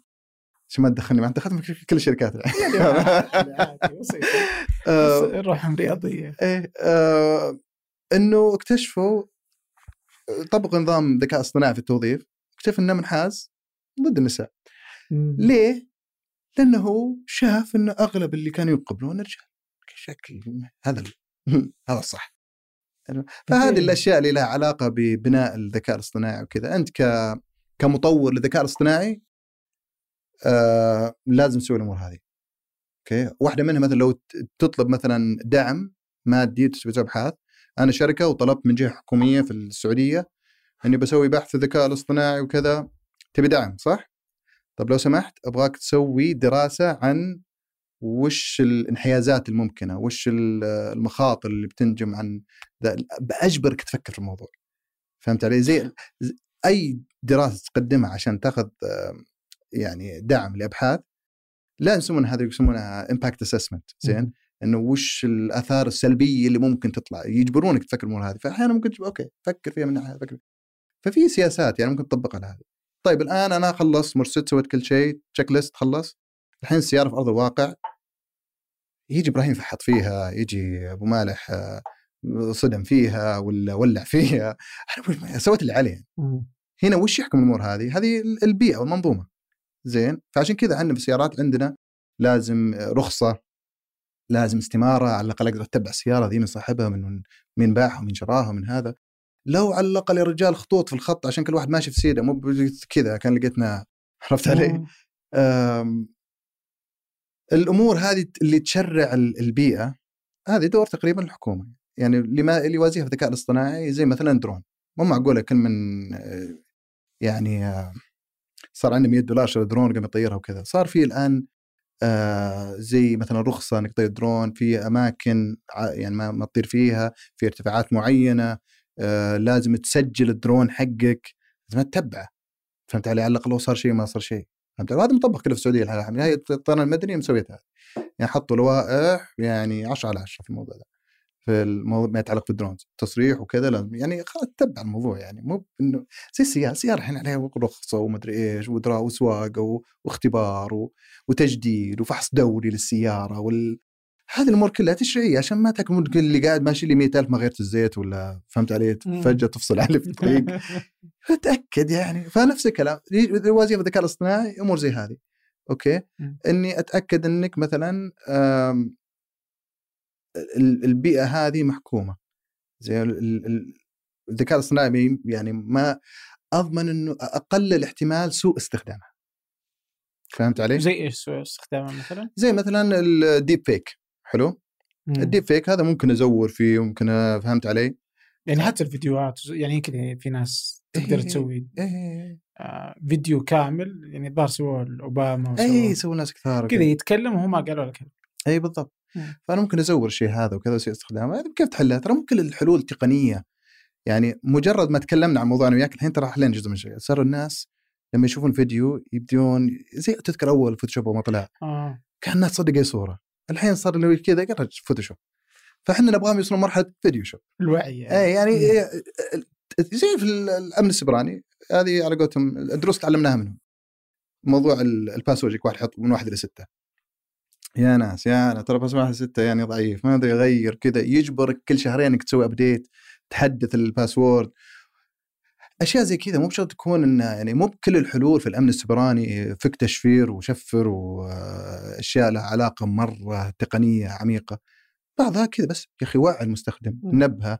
قال له ترى شوف مو بأي واحد يرسل لك link تضغط عليه من الناس. ترى في ناس تتصيد في ناس مدري وشو. توعي المستخدم.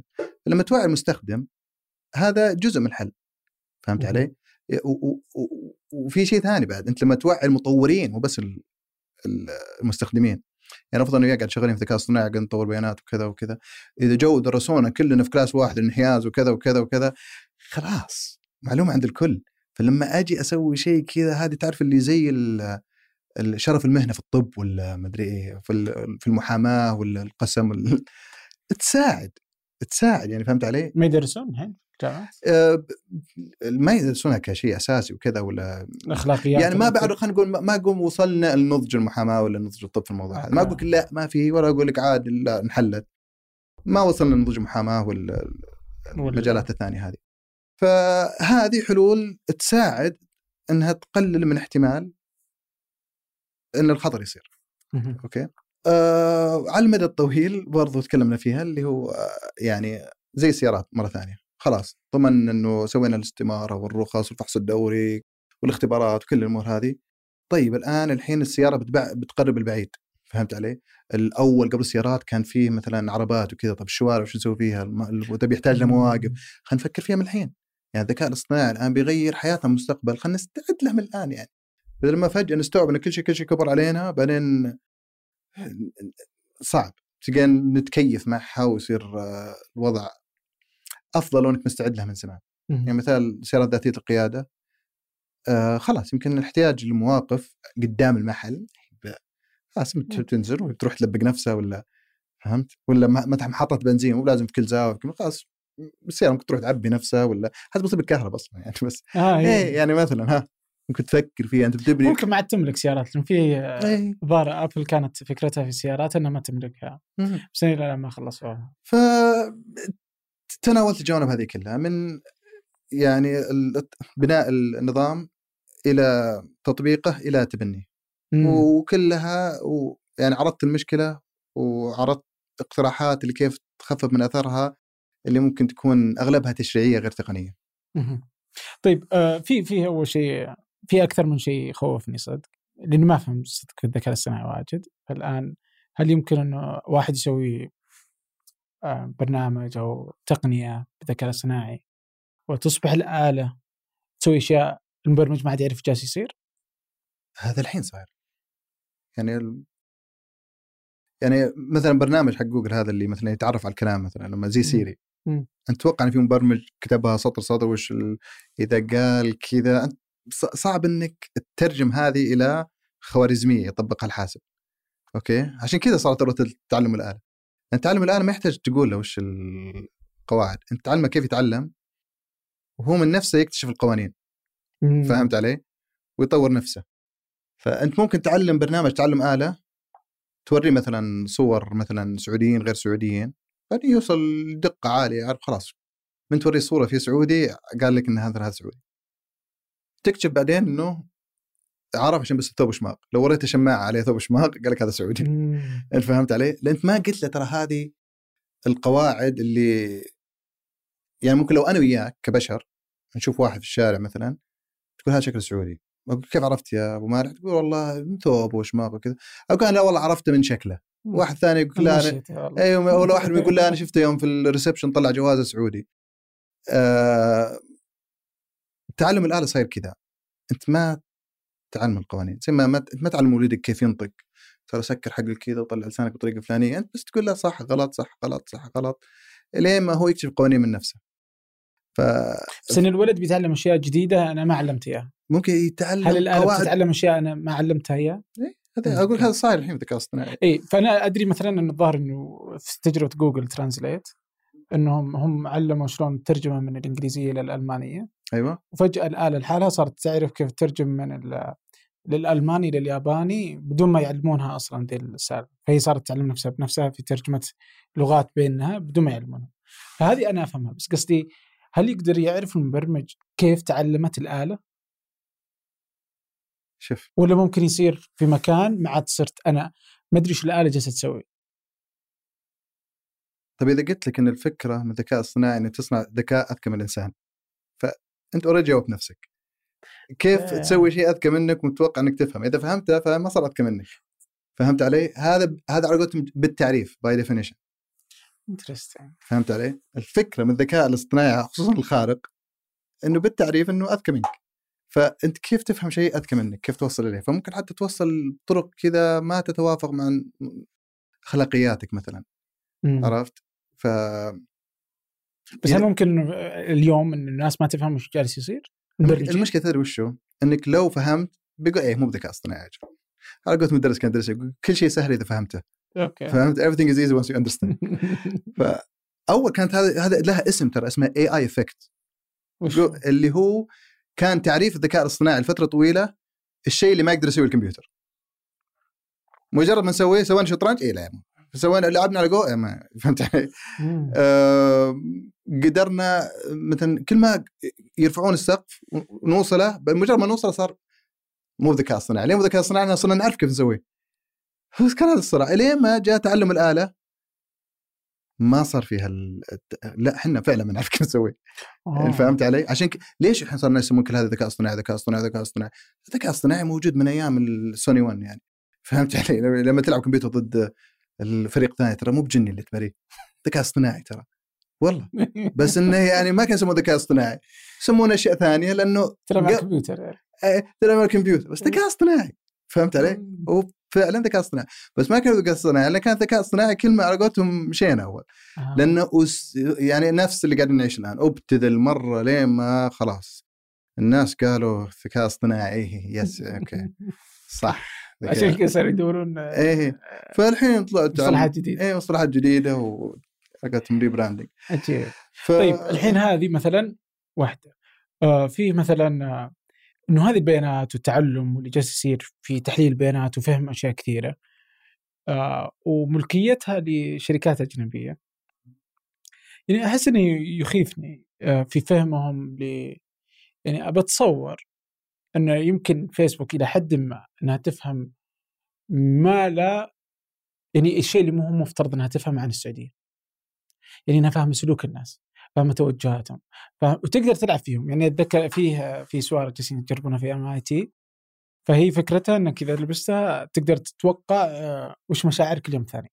okay؟ فاليوم الثاني أنت بتكون ما بتكون زعلان. إيه زي كذا. فهم فهذه الفكرة حقتهم. okay. بس هل هل هذا أثر على نفسيتك أصلا؟ خلاك إي ما أدري. بس إنه فيسبوك عوقبت مرة على إنها كانت تجرب على الناس تغير مشاعرهم بما تطلع لك في في الجدار حقك في ال wall فصارت تطلع بيانات عشان تبغى تعرف هل أنت بتزعل ولا لا.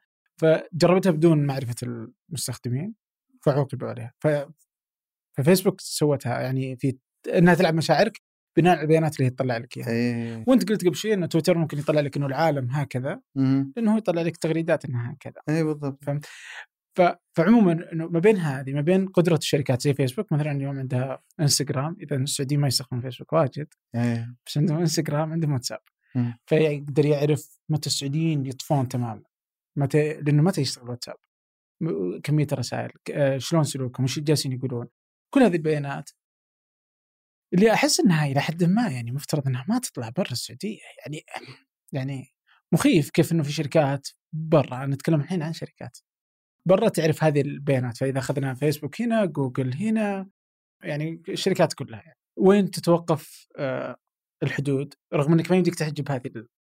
يعني وش الحلول الممكنة؟ هل في هل الحكومات جالسة يعني أتذكر في شيء حق سنغافورة في دافوس آه، تكلموا عن ذا الموضوع بس إني ناسي وش اللي هل ممكن ضبط هذه المسألة؟ إنه هذه البيانات ما مستحيل تعرف عنها ولا راح تقراها ولا تعرف ما- أدري وين نقدر نصير الصين ونقفل أفضل مثال لهذا أوروبا الاتحاد الأوروبي لما طلع ال GDPR General Data Protection Regulation نظام ترجم بعدين. هو يعني General Data Protection Regulation نظام حماية المعلومات العام. طلع برافو والله. okay. نظام حماية المعلومات العام بالضبط صمم للتحديات هذه على قولتك. البيانات كلها برا وملك شركات خاصة وتشكل تهديد على سيادة الدول ويعني إحنا شفنا اللي صار في الانتخابات الأخيرة في أمريكا وإن روسيا متهمة و- وكامبريدج اناليتيكا وكلها بفعل بيانات. يعني فعلا توصلنا إلى مرحلة التعدي على سيادة الدولة. يعني أول أمريكا كانوا خايفين من ال- التهكير الإلكتروني لا هكروا الناس نفسهم لما. يهكر ال- الجهاز. دخل في مخه واقنع إنه العالم كذا ويعطيهم مثلا معلومات مزيفة وليه عشان يروح يصوت اللي اللي مرشح ضد آخر. فلاحظوا المشكلة هذه أوروبا وطلعوا تنظيم ال GDPR مع معني بحمايه خصوصيه البيانات. وحتى نطاقه يتسع إلى خارج أوروبا. زين يعني مثلا طالما أنت تحتفظ ببيانات شخص موجود في أوروبا أو أنت في أوروبا وتحتفظ بأي بيانات كانت. يعني لو أنا مثلا نقول إبراهيم أنا عندي شركة في أوروبا وجالس أخزن معلومات أبو مالح وأنا في إستونيا. okay؟ ينطبق على ال GDPR. آه. لو أنت STC وأنا رحت مثلا إيطاليا ينطبق على STC. لأن إبراهيم الحين صار في إيطاليا أنت جالس تحتفظ بمعلومات لشخص في نطاق اوروبا طيب وش كان وش الحل حقهم؟ وش- ال GDPR؟ الحل آه، مجموعة من الصيانات تفضل زي آه، قلنا واحدة منها اللي الشفافية. زي ولا؟ إذا أنت تتخذ قرار نظام آه، قرار ذاتي يسمونه okay؟ ما يقولون ما تلقى ترى القوانين هذه يقولون AI ولا هذا يقولون أنظمة ذاتية أنظمة متخذة قرار وكذا اللي عكس الأشياء المبرمجة اللي قلنا اللي خلاص تتخذ قرار من نفسها okay؟ لازم توضح المستخدم ليش أنت اتخذت القرار هذا. آه لازم آه سياسة الإفصاح. إنك مو مثلا زي لما تدخل مكان تقول هذا مكان مراقب ال- الكاميرات ولا لما تكلم آه، خدمة العملاء يقول ترى مسجلة. نفس الكلام لما تتعامل ذكاء اصطناعي لازم تقول له إنه مثلا آه، تراك تتفاعل مع نظام ذكاء اصطناعي. آه، في مثلا إنك حاطين مجموعة مبادئ. واحدة من المبادئ إنه تحتفظ بأقل كمية بيانات تحتاجها. مو تقول بجمع ديتا وبقرر بعدين لا. لازم أول شيء تاخذ إذن الم- المستخدم ولازم تاخذ البيانات اللي تحتاجها والبيانات ما تستخدمها في أي شيء ثاني. لو أنا مثلا أخذت منك عنوان عشان برسل لك شحنة مو تقول تدري هذا العنوان عندي خلني بحل لا لا لا. أنت أخذت العنوان عشان تشحن لي. لازم تخزنها يعني بس للفتره اللي تحتاجها. بعد مو تقول تدري خلي البيانات هذه لا ما أدري يمكن قاعد أستخدمها بعدين. لا. تخ...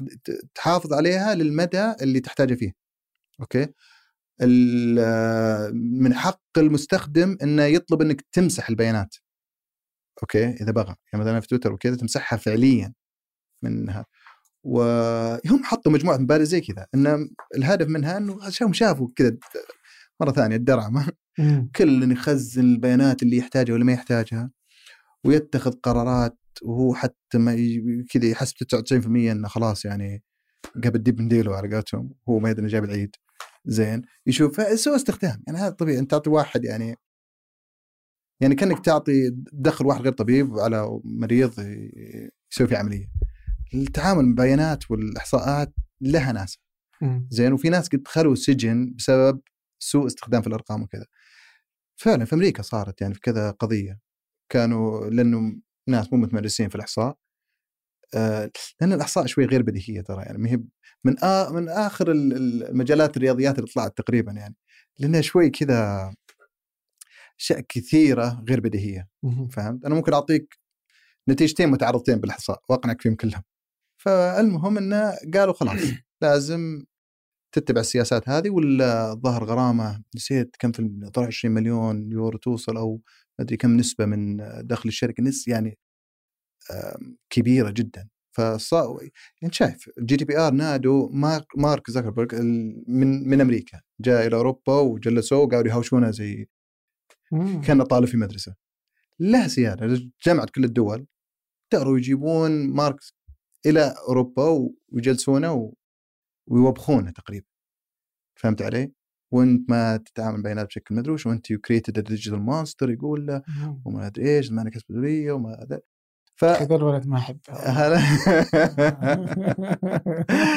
ف- يمكن لأسباب مختلفة أنا وياك يمكن. ف... يعني هذه قوانين قد تحد كثير وتساعد في مرور بس هذه كلها لحد الحين تحت مظلة الخصوصية يمكن ما فيها جانب ولا جانبين اللي لها علاقة بالحوكمة الذكاء الاصطناعي اللي هذه أغلبها حوكمه بيانات خصوصية وملكية والأمور هذه مم. آه، تونا قاعدين نشوف آم، قوانين خاصة بالشفافية والاشياء اللي اللي قلناها اتخاذ قرار ينعكس على المستخدم. مم. طيب آه، في تعليق لك على في تويتر مهم. على ظهر هذا إذا التعليق الأول قاعدنا فيه ما التعليق الثاني. لا لا هذا بسيط إيه okay آه، حق OpenAI مو إيش اسمه الجديد هذا 3 جي بي تي جي بي تي 3 GPT فكان إنه واحد إنه حط آه، كل محاولات إنه يحط مسلم في في السالفة. شكرا على المثال. إيه ذكرتني. ف فكذا مهما حاول يعني حاول مرة إنه يخلي الآلة تقول كلام زين إلا ما طلع إرهابي دام في كلمة مسلم. ف... فمثلا إنه هنا أنت كنت تقول إنه آه، هو كاتب إنه أنا مسلم وانت قلت لا أنا ماني مسلم بالضبط. ليش ما أنت مسلم؟ لأنها الك- الأسباب اللي شرحناها قبل شوي إنه في الأخير هو قام يتغذى وش البيانات اللي تغذى عليها؟ أغلبها فيها نصوص منحازة ضد المسلمين، قاعد يتغذى على أخبار، قاعد يتغذى على مدري إيش، وأغلب النصوص اللي فيها زي. ولا- إيه. م- على الأقل ما يسلط الضوء إلا على الاشياء السلبيه اللي يسوونها المسلمين،. أنت فهمت علي؟ مم. فهذا النتيجة الطبيعية.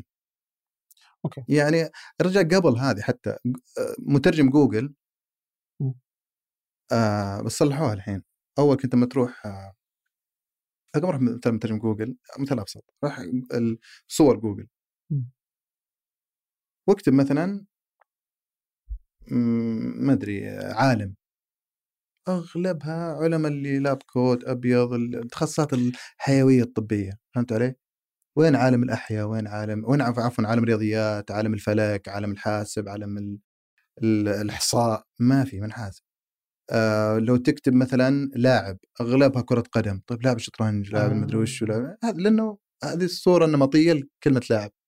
هو يكرسها. آه وقد صارت فيه مقطع اشتهر مرة. واحد أسود أمريكي كتب white kids زين أطفال بيض. تشوفهم أطفال حليلهم يلعبون كورة ويعني الدنيا حلوة وردية. black kids كذا صور مجرمين ومش عارف إيه. فهمت علي؟ فهذه شفناها من قبل يعني أنا مو من ما أنا مستغرب لأني شايف المستقبل شايف الماضي. هذه موجودة يعني. فاهم؟ مترجم أقول لك مترجم جوجل أو كنت تكتب لما تكتب له مثلا أم... لأن هذا لازم يقول إنجليزي اعذرني يعني أنا احاول أستخدم عربي قدر الإمكان بس إنه she is a nurse. ترجمة اللغة التركية اللغة التركية الظاهر ان ال- الجنس ما في تمييز بين الجنس يعني she و he. ترجع تترجم الجملة ال- ال- عفوا she is a doctor تكتب she is a doctor ترجمة تركية. فتاخذ الجمله التركيه اللي ترجمها جوجل ارجع ترجمه إنجليزية. يقول لك he is a doctor. فهمت علي؟ ما دكتور طبيب يعني أكيد ذكر. فهمت علي؟ هذا اللي تتصوره قل مثلا he is a nurse ترجمها للتركيه ارجع ترجمة إنجليزية. وش بترجمها؟ she is a nurse آه لأن ال nurse على انها دائما إيه، مرأة إيه. والدكتور رجل مم. آه. موجود من زمان هذه صورة نمطية عجيب. عند ال... ال- الناس حتى في آه، ورقة بحثية من برينستون اكتشفوا إن اللغة نفسها فيها انحيازات لغة إيه. يعني ضد يعني مثلا خلينا نقول لو بتعلم الذكاء الاصطناعي على اللغة العربية وذا بيتعلم إن المرأة حرمة فهمت علي؟ إنه مثلا عاطفية مش عارف إيه فهمت علي؟ بيبدأ يتعلم كل الانحيازات هذه اللي ضد المرأة اللي مبنية في اللغة نفسها فهمت علي؟ اللي صعب. صعب تفصلها فهمت علي؟ دائما لما تذكر المرأة تذكر بمثلا ما صعب إن مثلا آه، عاطفية ما تقدر تثق فيها ما تقدر تصح قرار ما ادري غير منطقية كذا بيتعلم وبيطبقها وعز الله على قولتهم بيتفاقم الموضوع فهمت علي؟ هي في أحيانا أشياء تلقى مدفونة في اللغة نفسها يعني. مم. فأنت تختلف هذه كلها. والآلة بتمشي مع الموضوع إيه ده. فأقول هذا صار جديد هذه مو بالمثال الأول هذا مثال طيب. الرقم 100 واحدة ثانية برضو إنه آه، كان آه، سو فكرة الجي بي تي هو اسمه جي بي جي تي بي تي 3 جي بي تي 3 ففكرته هو إنه الحين تكتب له بس طرف سالفة وهو أيوه يكتب لك السالفه كلها. هو يكتب لك مقالة كاملة من مجرد إنك تبدأ أول جملة جملتين هو يكتب لك مقالة كأمله وانه إنسان كتب مهم. فهو هنا التحدي في الإبداع والكتابة ومدري شلون بس إنه فيه إنه تقدر تكتب نموذج برضه. فأنت قلت إنه آه فواحد بس كتب له وش اللي يبغاه وبعدين سوى اي. وضاف نفس التغريدة كان لما يكتب كريستيان كان يعطي أمثلة إيجابية العكس آه اي في نفس الظاهر مو في نفس التغريدة هذه اللي أنا سويت retweet فهو في الرد في, في التغريدة هو. في نفس ال- ال thread أو السلسلة اللي سواها. حط مثال قال شوف يوم حطيت حتى حاولت أقول أسامي مسلمة ما نفع. عرفت علي؟ آه خلاص هذا هذا اللي موجود إيه. بس فكان هنا في في المثال الثاني اللي أقصده هنا إنه كنت تقول أنت إنه الذكاء الاصطناعي يأخذ وظائف الذكاء الاصطناعي اي هذه إيه. إيه. إيه. الآن هنا في الذكاء الاصطناعي ياخذ وظائف الذكاء الاصطناعي أنا ما أدري صدق آه، إذا أنت أصلا تشوف إن الذكاء الاصطناعي بيأخذ وظائف البشر بيأخذ آه، يعت نجي هنا لل آه، السكيل اللي قلناه هذه الساعتين القادمة لا أنت أنت لما تقول ذكاء اصطناعي وتسالني سؤال هل مثلا بيأخذ وظائف ولا لا؟ إيه. خارق ولا قوي ولا عام ولا ضعيف؟ طيب إذا أخذنا كذا هي إنك إذا أخذت أنت بالذكاء الضعيف ضعيف أوكي بالضعيف اللي هو اليوم مهم. يعني على الأقل إنه بي بينهي شكل كبير من موجود مم. الوظائف مم. وبيخلي يعني يعني إذا البطالة اليوم مزعجة لكل الدول فانتظر عشر سنين عشان تصير أكثر ازعاجا. وهو على قولتهم ياخذ بيد ويعطي بيد يعني ممكن أخذ. وظائف ويشكل وظائف ثانية مم. فهمت علي؟ بس ما تحس إنه ياخذ الوظائف الروتينية اللي هو أغلب الناس تسويها. يبقى إنه في وظائف ذكية. هذه تتطلب مهارات عالية الناس ما عندها شوف في أول فإذا هو بيأخذ يعني خلينا نأخذها من الثوره الصناعية. حلو. أول كان في وظائف اليدوية. زي مع اختراع الميكانيكا وكذا تقريبا أغلبها تبدلت. أي شيء صار قائم الميكانيكا تقدر تسوي حراثة تقدر خلاص اختفت الوظائف البشرية اليدوية. بعدين مع اختراع قولة ثورة المعلومات وهذه والتقنية وكذا أي شيء صار روتيني زي ولا لا؟ آه، استبدلت المحاسبة ولا ترى الكمبيوتر الكمبيوتر كانت وظيفة. كان في واحد وظيفته اسمها كمبيوتر. مم. فعلا وظيفة. أول كان الناس زي ما في محاسب مثلا محامي ولا كان واحد وظيفته مسماه الوظيفي كمبيوتر. زي ولا؟ لا؟ أوكي فأول هذا كان اسمه كمبيوتر. استبدل في كبره بكمبيوتر هذه الوظائف الروتينية استبدلتها. بعدين بقى الوظائف الذهنية. آه الذهنية برضو في ذهنية روتينية وذهنية غير روتينية يعني مثلا لما اسوق السيارة هذه وظيفة ذهنية بس روتينية يعني ما هي باللي مو زي لما تربي طفل ولا تدير شركة ولا تدير بودكاست فهمت علي؟ يعني في أمور هذه ما هي روتينية كل ما أتوقع كل بودكاست عن بودكاست يختلف آه وذهنية شوي يعني فالآن الذكاء الاصطناعي الضعيف وش يهدد؟ يهدد الوظائف الروتينية الذهنية هذا هذه المساحة الجديدة قاعد يلعب فيها الذكاء الاصطناعي ضعيف فهمت علي؟ أشياء زي قيادة السيارة زي قراءة الأشعة المدري وشو آه آه هذه المساحة اللي مهدده فهنا مهم نحط الأمور في سياقها ونطاقها واماكنها الصحيحه، لا تقولوا إيه الذكاء الاصطناعي يهدد الوظائف ولا ما يهدد الوظائف. الذكاء الاصطناعي الضعيف يهدد الوظائف الذ- الذهنية الروتينية، هذا كلام ممكن على أساس نتخذ قرارات واكشن. مم. فهمت علي؟ نتجاوب. السؤال كم نسبة هذه الوظائف من الوظائف الموجودة اليوم؟ هذه تختلف من دولة لدولة يعني مثلا أمريكا يهددها أكثر النقل بس القيادة لأن نسبة كبيرة آه، يقودون شحن بينما في الصين آه، يمكن ال- ال- ال robotics ولا هذا الصناعة وكذا آه، إي صح. فهذه يعني لو أنا بسوي مصنع في في الرياض أكبر كلفة لي الايدي العاملة صح؟ عكس مثلا ليش ما أخليه في الصين؟ ليش أخليه في الصين؟ اي اي؟ صح تكفى فإذا جبت آلات وخليتها تسويه خلاص ما صارت تفرق الرياض عن الصين ابدا آه، اذا الآلة هي اللي تصنع هي خطوط الإنتاج آه، يعني يعتمد على التكلفة أنا ما ودي يعني نحل لك بشكل كبير بس. إنه يعني التكنيك اجري معك يعني إنه. آه، يعني الصين. الصين اللي وش فارق ما عاد يفرق معي كثرة الشعب خلاص أنا إذا عندي التقنية ف ال أنا كنت بقول شيء طبعا آه أوكي. اي عرفت اللي فيها ال- فكنت تقول إنه لا ناخذ ال- الوظائف الذهنية الروتينية هذه ونجلس نعممها على كل اي شكرا على التذكير ال- الوظائف مم. أوكي آه ال- الوظيفة الآن مجموعة مهارات لما أنا أبي منك بوظفك شيء معين أقعد أطلب منك مهارات المعينة هذه زي ولا لا؟ فالآن وش اللي يهدد الذكاء الاصطناعي الضعيف؟ الوظائف اللي عدد المهارات فيها قليلة. حتى لو كانت المهارة هذه تتطلب يعني جهد عميق. زي مثلا آه، أخصائي الأشعة. أخصائي الأشعة قد تكون مهمة غير سهلة بس هو ممكن ما عنده إلا هذه الوظيفة المحددة. إنه يشخص الأشعة هذه مثلا كذا ولا كذا. الكلام اللي ناقشنا فيه. ممكن يوصل دقة على قولتهم عالية جدا. وهذه قد سووا عليها دراسة. وش. أنا هذا جواب على سؤالك تقول وش أكثر الوظائف مهددا يعني. يعتمد على عدد المهارات اللي تطلب وظيفتك. إذا كانت كثيرة حتى لو ما كانت عميقة احتمال أقل. يعني النف... في نفس المستشفى الممرضة أو أخصائي مثلا إعادة تأهيل أقل عرضة. ليه؟ لأن تطلب مهارات كثيرة. تطلب يعني ذكاء لغوي ذكاء عاطفي وذكاء يعني فالذكاء الاصطناعي الضعيف بالتعريف زي ما قلنا هو يحاكي مهمة واحدة.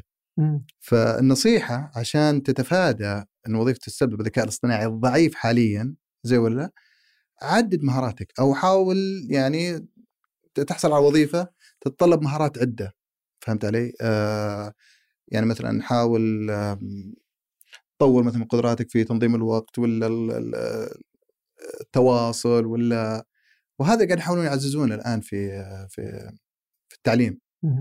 إنه عارفين إنه خلاص هذا ال- الملعب اللي بيفوز فيه الذكاء الاصطناعي. لو مر ركز انه واحد انت خلاص انت حداد انت مدري وشو. أول كانت الوظائف اليدوية هذه المركزة انقضت.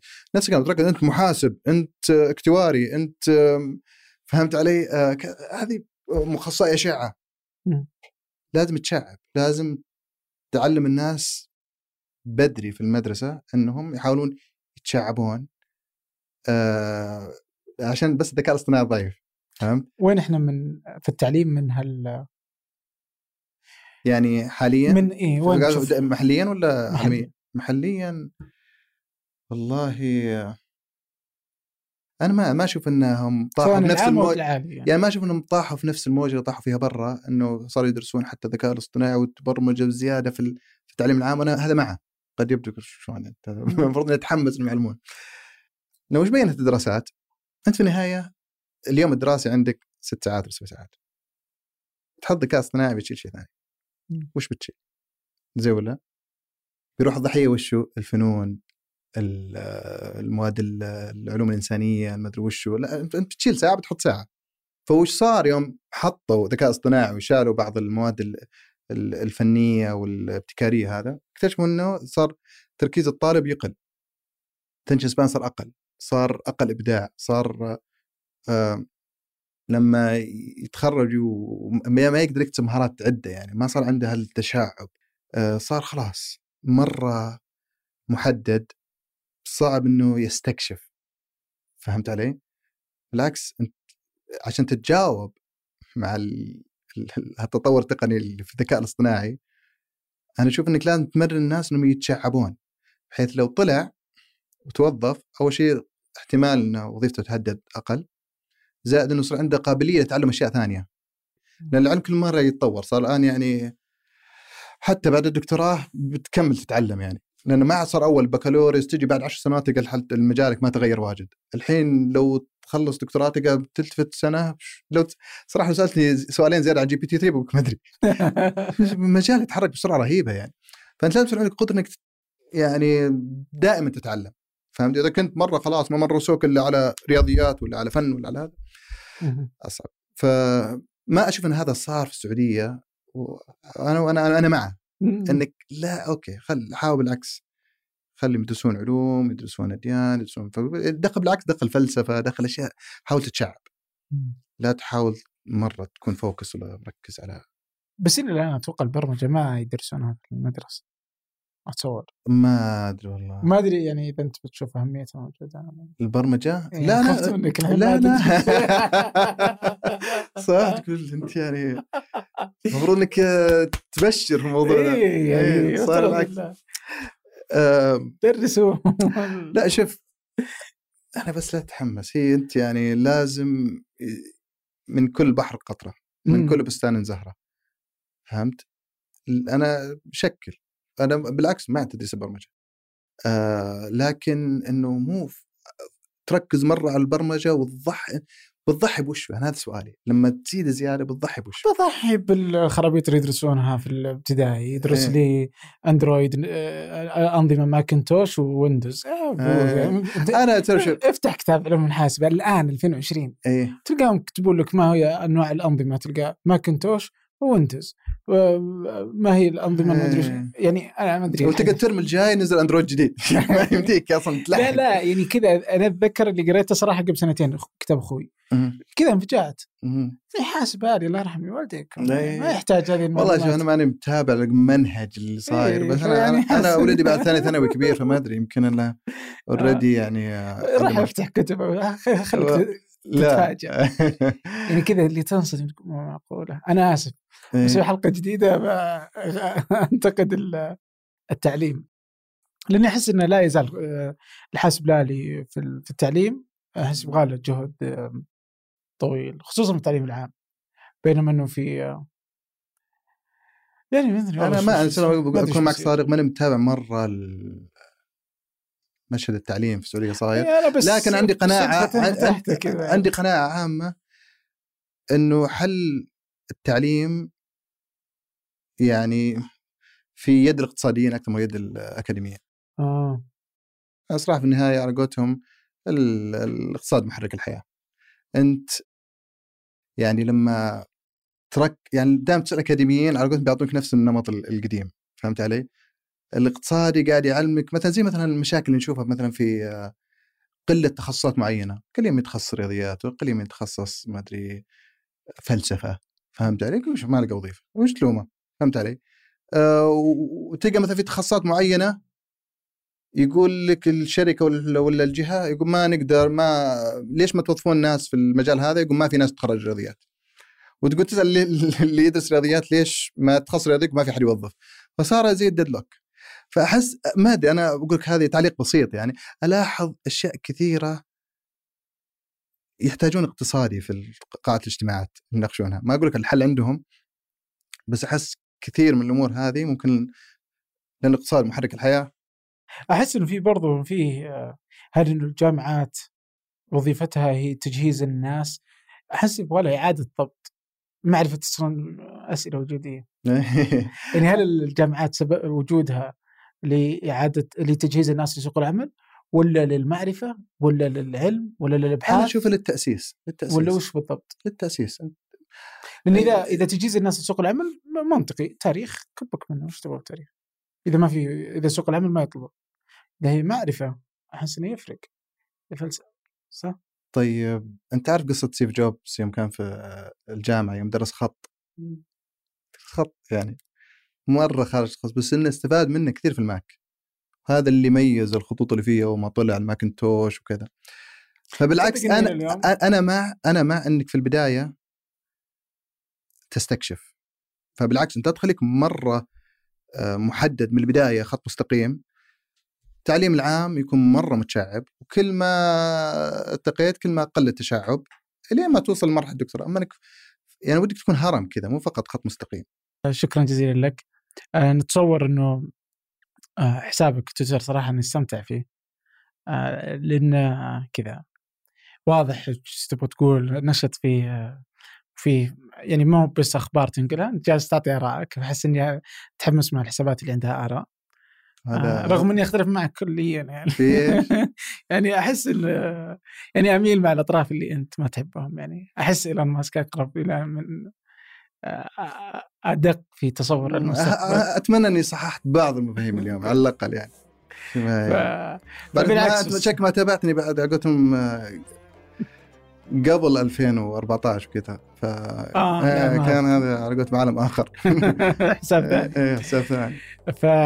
فحسابك يكون في وصف الحلقة الدراسه كذلك في وصف الحلقة أتوقع ان الرابط اللي لل... ما يشتغل حق الدراسة. إيه بس آه، في نفس التغريدة بس بحط. رابط ثاني برضه إيه أوكي. آه لها. بس قلت يعني لو تكلم آه، مدينه الملك عبد العزيز يصلحون موقعهم. أتوقع وصلتهم رسالة. الله. يلا يعطيك العافية. شكرا ويعافيك جزيلا لك. العفو حياك الله. شكرا دكتور شكرا لكم شكرا لسحر سليمان في الإعداد والتنسيق الوليد العيسى خلف الكاميرات. ومحمد الحسن في الهندسة الصوتية وفي الإشراف على إذاعة ثمانية المنطق المحفوظ هذا فنجان أحد منتجات شركة ثمانية للنشر والتوزيع. الأسبوع المقبل ألقاكم.